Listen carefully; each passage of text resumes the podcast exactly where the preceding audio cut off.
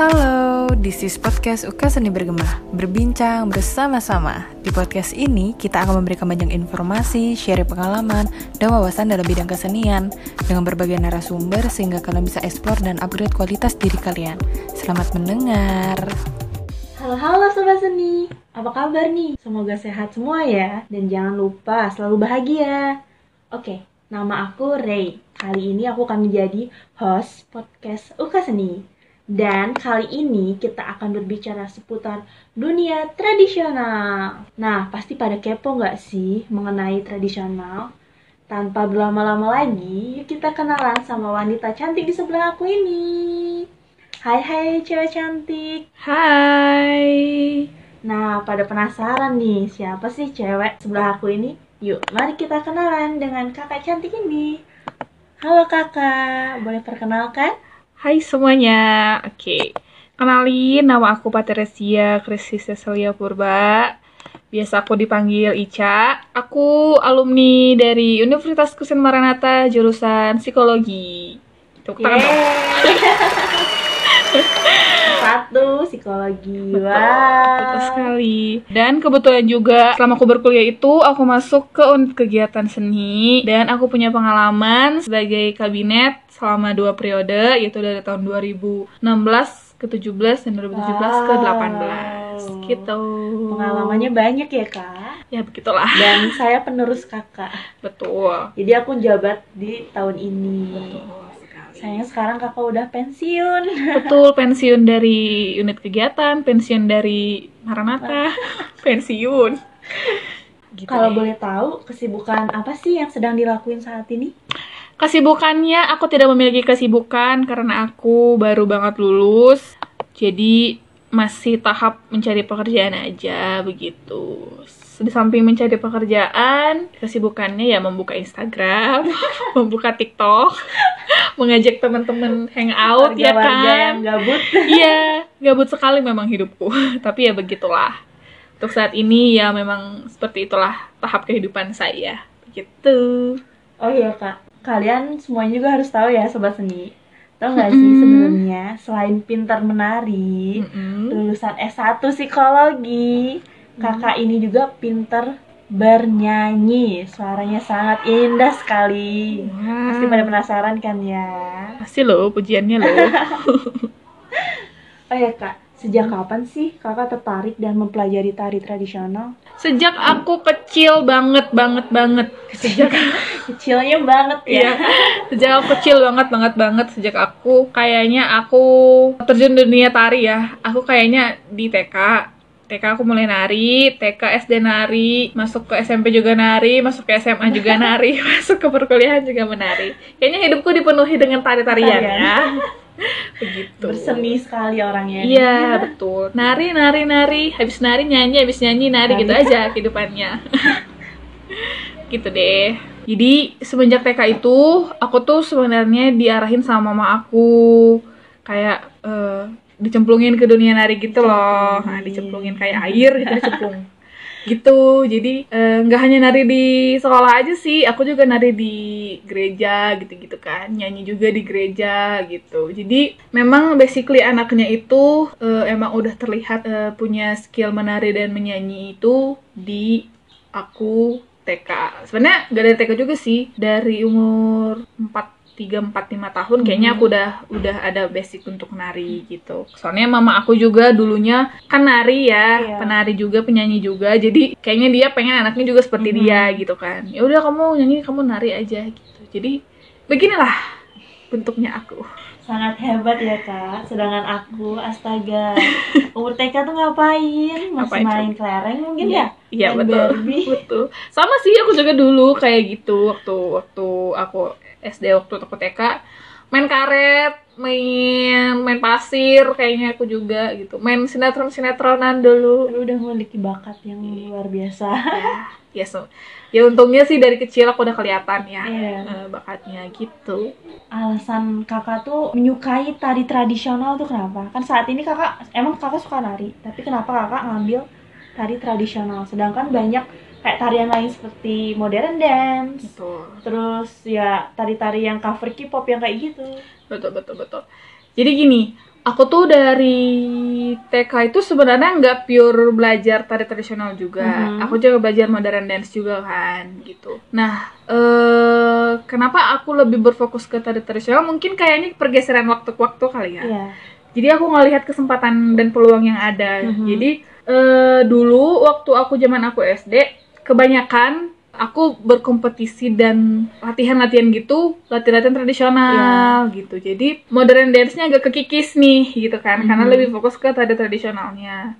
Dan aku kan dulu kan tinggal di desa ya, di desa di Sumatera Utara. Jadi kan kebanyakan orang-orang tuh tahu tentang tari tradisional, kan gak banyak yang tahu tentang modern dance, dance dance apa itu kan nggak tagu Kecuali kalau Natal ya dance dance lagu Natal ya nggak apa-apa lah ya Iya, iya, gitu iya. kan. Dan kebanyakan kan mereka kan tahu tuh kan tari tradisional kayak Mhm. tortor lah, apalah Mhm. gitu kan. Jadi dari situ karena aku lebih keseringan belajar tari tradisional dan aku juga serak ya, maksudnya kayaknya ini, ini aku banget deh kayaknya tari tradisional Mhm. ini gemulai-gemulai terus punya estetika tersendiri gitu kan. Sementara kan kalau modern dance kan kayak agak heboh gitu kan eh, gerakannya agak agak agak powerful, iya. energik gitu kan gerakannya. Jadi karena udah kelatih terus di tari tradisional jadi bentuk tubuhnya dan bentuk pergerakannya jadi kayak udah kayak tari tradisional gitu loh. Iya, iya. Nah, jadi ya udah deh dari situ makin ke sini makin ke sini juga aku juga beranjak ke SMP eh, nari tradisional juga dan di SMA aku, eh dari SMP kelas 2 itu ikut di organisasi atau gimana? Nah kelas 2 SMP aku masuk ke eh, paduan suara gerejawi Mhm. dulu di Sumatera Utara. Dari kelas 2 SMP kelas sampai kelas 3 SMA Mhm. Pokoknya aku lepas sekolah, aku masuk perkuliahan, aku lepas dari paduan suara itu. Nah, paduan suara ini juga sebagai wadah aku untuk menyalurkan part nari aku. Mm-mm. Terus kan, eh, kan kita kan biasa buat konser-konser tuh. Mhm. Nah, kebetulan aku dipercayain oleh konduktor. Konduktor paduan suara aku menjadi asisten koreografer waktu itu. wow Mm. hebat hebat Iya, asistennya dia. Jadi setiap kita kalau misalnya kita mau perform atau mau kunjungan ke gereja atau Hmm. misalnya kita mau ngadain konser tahunan, kita kan biasanya kan temanya kan kayak drama musikal gitu kan. Jadi nggak hanya nyanyi, jadi ada diselingin dengan tari-tarian Mhm. gitu. Jadi beliau percayain aku untuk membuat suatu gerakan di mengajari gerakan lah ya buat adik-adik yang lain juga teman-teman produser yang lain juga ketika kita misalnya mau perform atau mau konser tahunan gitu gitu deh. Jadi sampai sekarang ya kenapa menggeluti tari tradisional dan kenapa seneng? Ya itu ya karena itu gitu. Dan selama aku nari juga aku banyak ketemu-ketemu sama orang-orang yang eh, yang seneng banget nari tradisional gitu loh. Jadi kan ke gesture ke kita kan jadi kayak ke bawah ke kita. Eh iya banyak pengetahuan juga dari beliau gitu gitu kan. Dan kita juga selama waktu aku di paduan suara itu juga ada pelatih juga sih. Pelatih narinya kita Hmm. juga diundang gitu waktu itu. Dan dia juga banyak sharing tentang tari tradisional. Jadi itu yang membuat wawasan aku terbuka mengenai tari tradisional. Betul. Jadi kayak wah ini nih unik nih tari tradisional ini unik nih gitu. Uniknya menurut kakak tuh gimana sih mang uniknya tuh gimana ya unik unik aja gitu setiap karena kan tari tradisional itu kan berasal dari satu tradisi dari Mhm. satu suku kan ya jadi kan setiap suku itu kan punya keunikan gitu kan jadi ya unik aja unik setiap jadi kita selain belajar tari tradisional itu kita juga belajar satu budaya gitu kan jadi setiap kita belajar tarian baru kita juga belajar pengetahuan budaya Hmm. baru gitu yang tadinya kita nggak tahu oh oh ada ya tarian ini ya gitu. Oh Mhm. berarti tarian ini tuh menggambarkan budaya ini. Oh jadi budaya ini tuh kayak gitu ya gitu. Jadi secara tidak langsung kita belajar banyak, Banyak. gitu. Jadi kita nggak belajar menari aja betul. gitu ya. jadi kita nggak belajar tentang gerakan dari tarian itu aja. Hmm. jadi kita belajar dari budayanya. Soalnya kan eh, untuk dapat menarikan suatu tari tradisional itu kan nggak sekedar hanya menari. Kita juga memasukkan unsur budaya biar kita ngerti nih oh kita bergerak itu kayak gini itu ada Oh ada maknanya, bener. Ada maknanya, ada cita rasanya dari se- tiap setiap. gerakan Betul. Jadi nggak sekedar hanya ditarikan aja. Mhm. Kita juga harus memasukkan soul soul dari budaya itu dan soul dari kitanya. Jadi kita bisa nyatu gitu Iya, sama iya. gerakan itu. Gitu deh. selama belajar tari tradisional ini tuh ada nggak sih eh, kesulitan yang dihadapi Dari kesulitan betul betul. Kesulitan mungkin secara keseluruhan nggak ada tapi per masing-masing tarikan tarian dari setiap eh, budaya itu ada ya. Mhm. kalau yang menurut aku paling sulit itu adalah tari dari Aceh sama dari Bali. Tari saman. tari saman betul sama tari tari pendet tari saman itu kan sebenarnya itu kan energik banget. Sebenarnya berbanding Kalian terbalik cuma sih. duduk. iya. Sebenarnya berbanding terbalik sama pendet pendet kan yang gemulai pelan pelan. Sementara saman ini energik. Iya. walaupun dia energik tapi kan dia kan butuh Irama Mm-mm, dari yang namanya saat betul. Setiap saman itu kan rame ya Iya. orang-orangnya. Jadi kan butuh soul dari satu orang ke orang lain itu harus harus, Harus sama, sama. gitu kan. Karena kan kita kan nggak bergerak sendiri soalnya satu gerakan satu orang ke orang lain itu berkesinambungan Mhm. kan gerakannya dari tangan walaupun cuma duduk kan tapi kita kan bergerak bergerak Mhm. gitu kan sambil nyanyi Iya. juga itu punya effort banget sih sambil nyanyi sambil bergerak udah mah gerakannya energik nyanyi juga gitu kan terus kayak wah itu pengalaman yang paling luar biasa buat aku Berarti terus kakak pernah ya menarikan tari saman? pernah pernah pernah pernah waktu itu waktu konser tahunan paduan suara aku Eh, dan paduan suara ini kan walaupun dia paduan suara gerejawi tidak hanya ber, tidak hanya di situ-situ aja gitu Iya. jadi kita sempat pernah diberikan kepercayaan untuk pergi ke luar negeri Wow. Eh, waktu itu kita ke ke Singapura dan Malaysia waktu itu. Jadi kita Hmm. punya punya ini punya event event kayak namanya Tour de Tour de Asia. Iya. Jadi kita buat konser di situ waktu itu akhir tahun 2012 konser di Singapura dan konser di Malaysia waktu itu. Jadi ya itu dan di konser itu kita bawa tari-tarian daerah dari dari Saman, dari Sumatera Utara, dari Bali, dari mana lagi ya waktu itu ya? Aku lupa. Dari Papua juga ada kalau nggak salah tapi aku lupa tariannya apa. Eh jadi sama memperkenalkan budaya kita juga gitu Iya, loh ke orang-orang di sana. Dan dan puji Tuhan mereka tuh antusias banget ngelihatnya waktu itu kayak oh luar biasa ya. Terus kan udah mah kita kemarin kan masih anak-anak ya Iya, masih masih ya umur-umur 12 tahun ke bawah gitu kan yang nari-nari dari nyanyi jadi, jadi mereka tuh excited gitu loh oh ternyata budaya Indonesia tuh kayak Ternyata gini. Heeh, dan bagus banget dari kecil udah udah bisa nyanyi udah bisa nari gitu gitu kan. Orang-orang tuh memandang kita Mhm. waktu itu. Jadi mm, seru aja gitu. Terus waktu itu terakhir ke Filipina juga waktu itu. Oh, keren keren keren. itu waktu itu kita eh, kompetisi paduan suara di situ waktu itu. Jadi ya sambil kompetisi sambil ada konsernya kita juga Mhm. kan kesempatan kita juga buat konser di situ. Dipercayain juga di salah satu gereja katedral waktu itu kita buat di situ dan gerejanya gerejanya bagus banget. Wow gitu kan. iya pengalaman luar biasa banget bisa konser di situ waktu itu. Kayak wah dari situ memantapkan diri aku aku tidak akan pernah berpaling dari dunia tradisional gitu kan karena itu yang bisa membawa aku ke mana-mana gitu Ray Jadi jadi di dadaku ya. iya jadi kayak proud to be Indonesia maksudnya Oh. orang-orang Indonesia bangga gitu punya punya suku-suku yang banyak di Indonesia keragam Tari-tarian. ketari-tariannya keanekaragamannya kayak gitu jadi gitu deh walaupun sulit tapi kan kayak kita punya punya kebanggaan tersendiri Iya. kita bisa belajar bela- belajar tarian itu Mhm. kan gitu. Jadi awal-awal doang sih sebenarnya sulit cuman kalau udah tahu gerakannya oh iya ya punya kebanggaan tersendiri gitu. Ih, aku udah bisa nih nari ini aku udah bisa. Seenggaknya aku punya tambahan tarian baru yang aku kuasain dan Mhm. aku bangga gitu kan. Jadi orang-orang siapa nih yang bisa tari tradisional? Siapa nih yang tahu nih? Gue langsung angkat tangan aku bisa gitu Bisa Gitu deh. banggain Indonesia juga ya. betul betul. Itu salah satu salah satu cita-citaku juga sih. Jadi aku pengen banget eh, bisa ke luar negeri gitu ya memperkenalkan Menaikkan. eh, eh, budaya. memperkenalkan budaya Indonesia ini di kancah internasional. Karena kan Indonesia kita Indonesia kita tersendiri juga kan udah dilirik nih sebenarnya dari ya. negara-negara tetangga kita kan. Termasuk negara Asia Asia Tenggara gitu ya. Mereka tuh udah melirik Indonesia tuh terkenal terkenal dengan budayanya yang banyak Mhm. orang-orang yang ramah gitu-gitu kan jadi kayak kita kan udah punya satu poin plus, lah Plus. Heeh.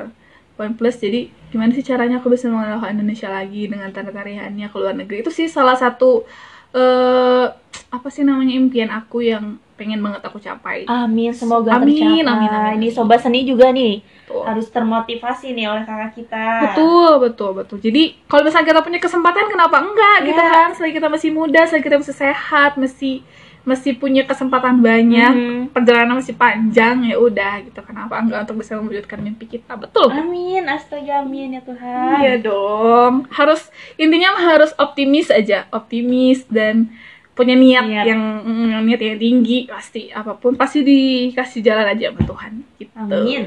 Nah, terus untuk saat ini nih, apa aja sih tarian yang udah kakak pelajarin? Tariannya banyak Tadi tuh sama. sama tortor ya tortor lebih lebih yang paling aku kuasai karena kan aku berasal dari Sumatera Utara tortor sendiri juga banyak juga sih jenis-jenisnya Mhm. Terus eh ini apa? Tari piring dari Sumatera Barat. Tari dari Sumatera eh dari Sumatera tari piring dari Sumatera Barat. Iya benar. Dari Jawa Barat ya banyak lah pastinya Jaipong. Jaipong ya kan. Jaipong juga banyak yang kita pelajarin. Terus tari merak juga. Tari ya. Eh, eh, terus tari apa rampak kendang gitu gitulah yang belum beres juga tertunda karena ini kita pelajarin ya tertunda kita belajarnya karena, Karena ya, eh, kondisi pandemi. kayak gini terus dari apa lagi ya dari Tari kontemporer. ya tari kontemporer gitu-gitu kayak kemarin kayak Indonesia menari Iya. gitu-gitu kan jadi memasukkan unsur modern dance juga ke dalam Hmm. tari tari tari tradisionalnya gitu-gitu sih jadi ya masih banyak yang harus aku pelajarin juga tari-tari dan masih banyak banget yang aku excited banget pengen belajar gitu ya Di Indonesia ini banyak beragam. Iya betul betul betul. Jadi kayaknya Jadi tidak PR ada, ya, kan? Jadi tidak ada henti-hentinya untuk belajar gitu kan. Karena masih banyak yang harus dieksplor juga, banyak yang harus dicari-cari buat referensi apa sih selanjutnya Setuju, untuk setuju. mm, nextnya yang kita harus pelajarin gitu kan tari-tariannya gitu deh. Nah selain itu ada nggak sih kendala yang dihadapi? Soalnya kan zaman sekarang ini ya, zaman milenial ini tuh banyak apa ya? Orang-orang tuh yang nggak terlalu suka sama tari tradisional gitu loh kak. Mm-mm, Jadi kayak kurang suka. Jadi kendala dari masyarakatnya gitu loh. mm-mm. Dan dari lagunya juga kan Iya iya. kurang iya, iya. menarik untuk kita gitu. Eh, jadi tadi apa?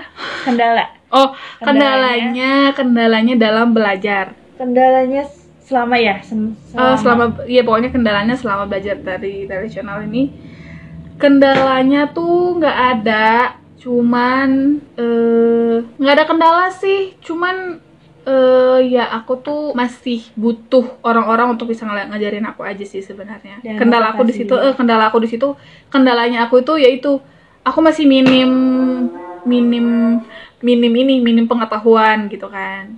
Karena memang eh, apalagi zaman sekarang kan lagi pandemik ya. Iya. jadi kita aku paling nyari referensi-referensi nari dari YouTube Mhm. paling Google, Google googling gitu kan apa sih tari-tarian dari setiap setiap apa setiap pulaunya yang eh, setiap sukunya yang belum aku tahu dan belum aku pelajarin gitu jadi kendalanya itu sih masih minim pengetahuan banget aku tentang tari tradisional gitu Hmm. Terus pernah nggak sih ada kendala lain kayak misalnya komentar dari orang lain tentang tadi trad- tradisional kan kurang baik ya di betul masyarakat. betul betul Kayak betul Kurang apaan sih cuma Betul. tari kayak gituan lebih baik tari modern dance yang lebih menarik gitu betul kan. betul sebenarnya aku tidak menya sebenarnya aku tidak menyalah tidak menyalah bukan menyalahkan ya tidak eh buk gimana ya bilangnya pokoknya bener eh, orang-orang orang-orang yang suka modern itu ya silakan aja sebenarnya kan setiap orang kan punya passionnya masing-masing Iya. ya mau ke tradisional mau Iya. ke modern dance mau apa segala macam cuman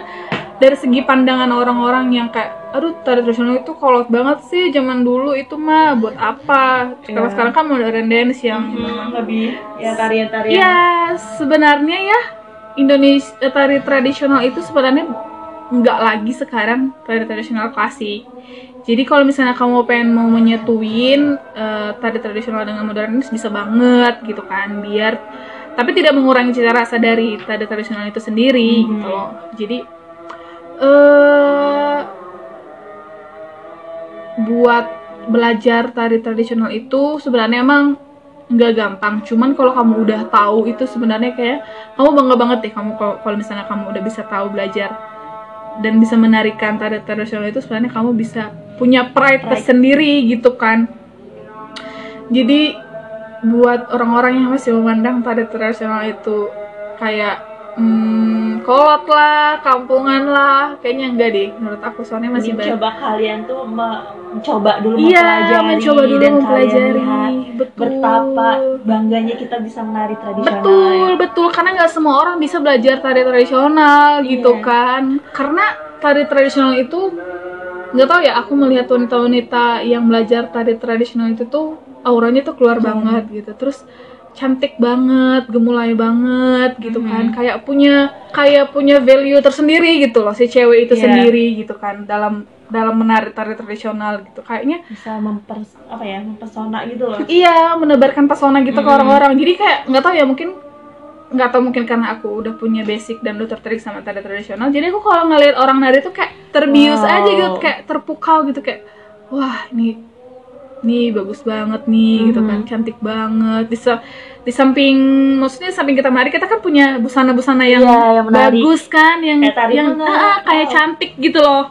Itu yang menambah Menambah Mm, menambah kita menambah seorang penari tradisional itu kayak anggun anggunnya dapet cantiknya dapet dapet. gemulainya dapet value-nya dapet jadi gitu loh sekedar nari aja. iya betul jadi nggak sekedar nari gitu jadi semua semua apa semua partitur semua part-part yang di yang menyokong kita menari itu itu yang membuat kita jadi mempesona Mhm. gitu loh jadi eh, jadi nggak ada alasan buat orang-orang itu me- menilainya itu kolot lah apalah segala macam enggak loh Yuk, mulai sekarang sobat seni kita coba ya. Betul banget. Jadi buat kalian-kalian yang masih memandang tari tradisional itu kolot lah, kampungan lah, apalah segala macam enggak Coba loh dulu gitu. ya. Coba dulu, kamu lihat dulu matang-matang, kamu eh, coba belajar gitu kan. Pasti kamu pasti kamu pemikiran kamu akan bergeser, nggak akan memandang itu kolot lagi. Pasti kamu Mhm. kayak wah, bagus banget ya tariannya gitu. Apalagi kalau ditarian dengan dengan sungguh-sungguh gitu kan, dengan sepenuh hati pasti Dan ingat juga kalian ini anak Indonesia. betul betul Jadi banget harus tetap bangga dengan Iya, budaya tarian tradisional Iya, benar, Indonesia. benar, jadi jangan lupa lah gitu ya. Bisa sih kita mengikuti pergerakan budaya. Budaya. Maksudnya modern modernisasi bisa kita ikutin gitu kan. Maksudnya budaya-budaya luar masih bisa kita ikutin, tapi jangan lupa sama diri kita sendiri. Iya. Jangan lupa sama budaya kita sendiri gitu loh. Soalnya kita kan masih punya budaya ya, norma-norma budaya yang bisa menggiring kita gitu kan. Karena aku miris banget sih lihat kaum-kaum milenial sekarang tuh yang lupa banget sama budayanya sendiri Mhm. gitu kan. Even even even terlepas dari tari tradisional ya, maksudnya lupa sama sama norma budayanya Norma, ya. sendiri. Jadi seolah kayak nggak punya budaya gitu loh. Jadi kayak orang iya luar. kayak berlaku seenaknya, tidak tidak menghargai budaya Ya, sendiri, sendiri. gitu loh. Malah kayak kebule-bulean bisa sih sebenarnya mengikuti pola pikir mereka sebenarnya bisa tapi ayolah mendasar dari norma-norma budaya Hmm. kita dulu kita tanamkan dulu norma-norma budaya kita ya kan kalau kita udah punya basic baru kita bisa mengikuti pola pikir dari orang-orang luar atau negara-negara tetangga Dan gitu kalau kan. bisa orang luar mengikuti kebudayaan betul kita. betul banget betul Kan banget biar kebalik gitu ya. iya betul banget Jangan kita ngikutin mereka, kalau bisa mereka ngikutin kita. Iya, betul banget. Jadi ya gitu deh pesan aku buat buat teman-teman yang kaum kaum milenial nih, generasi generasi sekarang nih ya, agak sedikit yang agak-agak sedikit terkikis nih ke apa kehidupan budayanya dia gitu kan, tolonglah gitu. Tanamkanlah ya even sedikit aja nggak apa-apa gitu. Jadi jadi basic kamu untuk berbuat bertingkah laku sama orang-orang. Iya. Karena kan sekarang kan sekarang kan yang diutamain itu kan attitude, ya. Attitude. Heeh, jadi kalau kamu pintar, kalau kamu cerdas, kalau IQ kamu tinggi, kalau kamu tidak punya attitude itu dianggap Iya, nol oleh orang-orang lain gitu. Apalagi kamu lagi mencari setuju. pekerjaan gitu kan. Iya. Kalau kamu tuh pinter banget Cuma. IPK kamu 4,25 misalnya, saking pinternya kamu, IQ kamu tinggi banget, tapi kalau kamu tidak punya attitude dan tidak punya berperilaku yang baik, Baik. gitu kan. Wah, perusahaan tidak akan memandang kamu. Soalnya attitude itu paling nomor satu, satu. banget. Iya, Iya, betul betul betul. iya gitu. gitu. Nah kak, jadi eh, selama ini tuh prestasi apa sih yang kakak dapetin dari tari tradisional Hmm. dan keuntungan yang kakak udah dapetin? sebenarnya kalau prestasi prestasi kayak misalnya dapatin penghargaan piagam gitu-gitu soalnya aku nggak nggak punya ya soalnya Mhm. kan aku masih basicnya masih belajar juga walaupun walaupun aku udah bisa dibilang kategori bisa menari tapi aku masih banyak belajar juga Mhm. gitu kan dan aku juga tipikal orangnya yang langsung minderan dan insecure gitu nggak langsung berani untuk memulai ikut kompetisi Iya. gitu ya kan jadi ya kompetisinya paling kemarin ya antar antar antar desa antar kabupaten Mhm. antar kecamatan ya itu sih aku ikutin dan memang puji Tuhannya pasti dapat juara satu juara dua juara Iya. tiga gitu kan terus tingkat kabupaten tingkat provinsi waktu itu dapat juara tiga nari dan juga dapat juara dua Wow. nyanyi waktu itu cuman itu doang sih kalau misalnya eh, kompetisi-kompetisi yang kayak eh, apa namanya yang diselenggarakan oleh eh, bu- internasional tingkat nasional gitu-gitu aku belum paling yang kabupaten gitu-gitu doang sih Mhm. kabupaten provinsi gitu-gitu Mhm. doang kalau berbicara tentang keuntungan tuh banyak banget Apa nih yang paling utama? Yang paling utama adalah kamu bisa kamu bisa tentunya kamu bisa dapat gerakan baru tarian baru gitu Iya. kan Pengalaman, Heeh, terus kamu bisa pembelajaran. pengalaman punya pengalaman terus kamu juga bisa punya yang tadinya kamu nggak tahu tarian itu dari daerah mana sekarang kamu udah tahu terus kamu juga dapat pengetahuan tentang budaya dari tarian itu Mhm. gitu kan yang tadinya kamu nggak tahu ternyata kamu tahu itu kan lumayan tuh ya Iya, dapat iya. pengetahuan baru gitu dan ya balik lagi kayak tadi kalau misalnya kamu udah bisa belajar dan udah bisa menari tari tradisional kamu bisa bawa budaya Indonesia ini gitu untuk memperkenalkan budaya Indonesia ini ke luar ke orang-orang yang belum tahu gitu. Jangan keluar deh ke teman-teman kamu yang bahkan teman-teman kamu nggak tahu kamu bisa ngejelasin ke mereka gitu kan. Even menurut mereka tuh nggak penting tapi ya seenggaknya kamu jelasin aja Iya. dulu. Pasti satu saat itu penting kok gitu kan. Pasti bermanfaat juga sih Mhm. buat buat mereka dan juga buat kamu gitu. Jadi penting penting banget. Sangat sangat penting gitu sih kalau menurut aku. Iya. gitu deh. Ada lagi nggak keuntungan selain itu kak? apa ya nggak ada sih paling keuntungan buat pribadi doang kayak ya bisa kalau aku kan ketika aku misalnya stres atau misalnya aku sedih Mhm. aku tuh bisa nari nari kayak orang gila sendiri nari nari explore explore tiba-tiba kayak aku punya insight eh ada lagu baru ada lagu tradisional baru bisa nggak ya dimasukin gerakan ini Hmm. nge-explore gerakan itu gitu-gitu kan jadi eh gitu deh kalau misalnya aku juga sedih selain aku nari aku juga nyanyi-nyanyi kayak orang gila gitu kan jadi kan ya lumayan mengasah kemampuan menari dan menyanyi aku Mhm. kan kalau semakin kita sering latihan nyanyi dan menari kan semakin terasah kemampuan Mhm. kita kan gitu jadi itu sih keuntungannya Oke. jadi kalau buat kalian yang yang nggak bisa bilang kayak aku nggak bisa nari loh aku tuh Aku banget Tuh, kakak. kamu kan pertama kali aku ingat Iya. banget kamu pertama kali masuk uh, UKA seni Insecure kayak aduh. aku nggak bisa nari kak. Udah aku kaku banget. Jangankan kamu temen-temen aku di sekeliling aku banyak banget yang bilang kayak gitu kan aku tuh nggak bisa nari cak. Udah aku kaku. Kamu tuh belum nyoba gitu. Aku juga dulu pertama kali waktu aku anak kecil aku coba dan aku kaku. Mhm. kaku banget bahkan aku nggak bisa nari kayak apaan sih gerakin tangan aja? Iya. cuman balik-balik gitu doang gitu. Tapi sering berjalan waktu semakin sering dilatih semakin sering diasah pasti bisa Ya itu tuh membuat aku kayak down banget gitu loh kak. Kayak nyoba sekali aduh fix ini aku nggak bisa. Iya. tapi karena kayak ngeliat kakak nari iya terus betul. lihat kok keren banget. Betul, dan betul, ini tuh mm, aku jadi juga tetap pengen Betul, gitu betul, walaupun betul. nggak bisa tapi tetap pengen juga Iya gitu benar banget. Jadi kuncinya sering-seringlah melihat orang menari. iya jadi semakin kita sering melihat orang menari, pasti kita pengen banget, ih pengen banget jadi itu, pengen banget Iya. jadi itu. Jadi ketika ketika kita punya keinginan, indah. ya Hmm. keinginan, kemauan pasti bisa. Semua penari-penari di Indonesia yang berbakat juga dimulai dari nol kok, dimulai Iya. dari mereka nggak bisa Mm, nari mm, sama mm. sekali. Semakin sering dilatih, semakin sering belajar gitu-gitu kan, pasti mereka bisa gitu. Dan sekarang terbukti mereka menjadi penyanyi dan penari lah, penari, Penari. yang hebat gitu kan gitu-gitu. Jadi eh gak ada kata-kata gak ada alasan aku gak bisa nari aku kaku. Gak ada loh. Ingat Jadi tuh teman-teman hilangkan kata-kata itu. Tuh, jadi Aku buat kalian, eh, kalian-kalian semua yang bener-bener pengen banget belajar tapi udah insecure di luar aku gak bisa nari, badan aku badan aku lemah, badan aku ini, badan aku tidak bisa tidak. Itu nggak jadi alasan. kamu coba dulu karena ketika kamu punya kemauan, kamu punya keinginan pasti kamu bisa. Itu Ya, intinya. dan cari eh, buat apa ya eh, yang buat memotivasi kalian untuk Betul. terus bisa latihan sampai bisa Betul. gitu Betul banget. Jadi itu salah satu kunci aku untuk tetap bisa eh, apa? menari dengan baik ya kayak gitu ngeliat-ngeliat referensi orang-orang nari jadi kayak bagus banget gitu kan jadi pengen banget bagus kayak gitu narinya gitu kan gimana ya cara mereka bagus narinya gitu jadi aku lihat-lihat dari situ dan belajar-belajar juga dari situ Kalau Gitu. aku sih kak, kenapa sih aku bisa tertarik sama apa ya dari tari tradisional Mm-mm. ini tuh? Mm-mm. Pertama karena lihat kostumnya sih. betul bagus Kostumnya, kan Wow, keren banget. bagus bagus banget Iya makanya, jadi Mm-mm. suka gitu. Iya, makanya nggak monot satu tarian itu nggak monoton gitu-gitu doang. Iya, iya. Bajunya bisa bisa berganti-ganti, ganti, ya, eh, cantik. dengan model-model. iya, apalagi penari jaipong tuh, wah bajunya banyak Banget. banget dan kostumnya tuh cantik-cantik dan unik-unik gitu loh. Jadi semakin unik apa baju, Semakin, jadi kayak semakin tertantang untuk nari Iya. bagus gitu.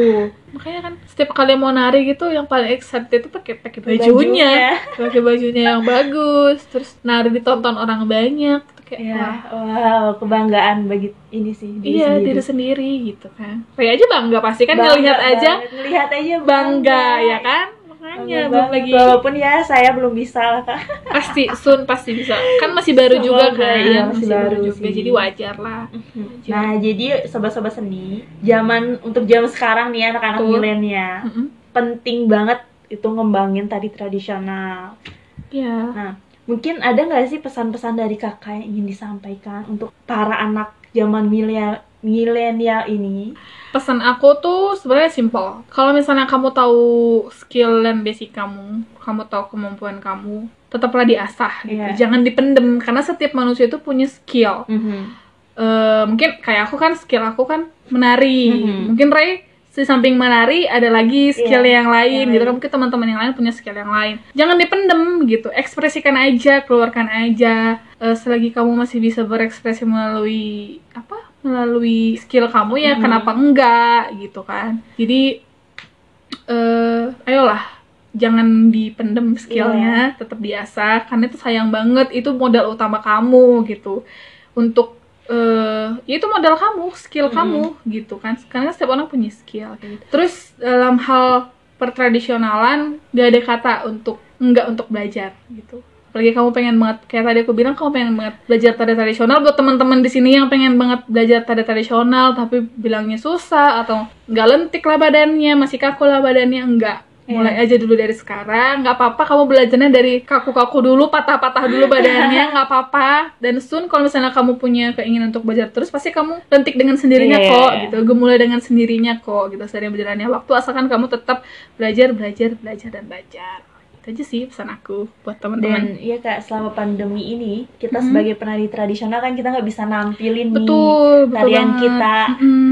Karena ya pandemi banyak banget tapi banyak banget cara buat Iya. kita bisa mengekspresikan iya tarian iya kita. iya Misalnya di eh, konten YouTube, Iya, Terus di TikTok cover-coveran. juga Iya, di TikTok ya? juga masih bisa. Banyak banget sekarang TikTok-TikTok yang nggak hanya belajar nari-nari I'm a savage ya, Yang gitu-gitu. wow. Yang wow, gitu-gitu enggak. Ada juga beberapa TikTok yang eh, nari tradisional juga gitu. Dan yang tarian latih. Iya, kayak tarian latih tuh itu salah satu tradisional yang dikontemporer dengan modern Hmm. dance gitu kan. Jadi eh, tidak ada alasan untuk menilai juga tradisional itu kolot lah apa segala macam masih banyak cara untuk Ayo. menilai tradisional itu Mari kita menyisipkan kembangkan Iya guys. bisa menyisipkan tari tradisional itu di modern dance. Mungkin Mm-mm. kalian hobi modern dance, tapi kalian pengen banget belajar bahasa eh bahasa lagi. Pengen banget belajar tari tradisional bisa disisipkan sedikit gitu. Iya. Jadi dicombine gitu kan. Itu juga eh, menurut aku bagus juga gitu. Satu suatu apa? eh, pembelajaran dan kreasi yang unik ya. Mhm. Jadi menyatuin tari tradisional dengan modern dance tuh kayak wow banget gitu. Kalau boleh nanti kalau nggak salah ya, tapi kayaknya lagi pandemi. Kalau kalian pengen ikutin eh, apa kompetisi Indonesia Menari itu Iya. setiap tahunnya pasti, Pasti ada. ada. Coba Mungkin daftarin aja. online Iya, mungkin mungkin ya. sekarang secara online karena pandemi. Tahun depan mungkin teman-teman bisa kalau mau mau nambah pengalaman dunia kompetisi Mhm. ya kan, yang nari-nari bisa ngikutin Indonesia Menari itu di Indonesia tuh di semangat Bandung. guys. Heeh, jadi bisa gitu untuk belajar. Gitu deh. Oh iya, dari tadi kan ini aku greget banget nih. Aduh. Di awal aku udah bilang kalau kakak kita ini pintar sekali bernyanyi. Wow. Karena kita kan nggak bisa melihat kakak menari kan. Mm-mm. Maka kita mendengarkan suara kakak untuk bernyanyi. Kata suaraku Eh, serak nih. Tidak. Pasti sobat seni pada penasaran nih suara emas kakak ya. Betul. Ayo dong kak, keluarin kak. Satu lagu aja nih. Aku jadi malu. Sebenarnya aku menyanyi juga bisa-bisa aja, tidak tidak bagus. Wow. Ayo ya dong. Apa ya? Nyanyi apa dong? Ayo nyanyi apa ya? Nyanyi, nyanyi. Ya udah deh, nyanyi terlanjur mencinta aja kali ya. Uh, Soalnya kan kayaknya lagi zaman-zaman Zaman- orang yang terlanjur mencinta, Mencinta. sama orang, eh ternyata orangnya tidak suka gitu, sedih. Dan jangan-jangan nih sobat seni juga pada terlanjur mencinta nih gara-gara mendengar ini. Iya. Waduh, jangan Jatuh cinta sama kakak Jadi kita sama suaranya aja, orangnya jangan. karena udah sold out guys. Maaf guys. Kok jadi ajang promosi ya? Kita mulai nih. Oke, Sedikit aja ya dari pertengahan aja. Satu, dua, tiga. Bila memang hatimu untuk aku Salahkah ku berharap Berharap kau memilih diriku Cinta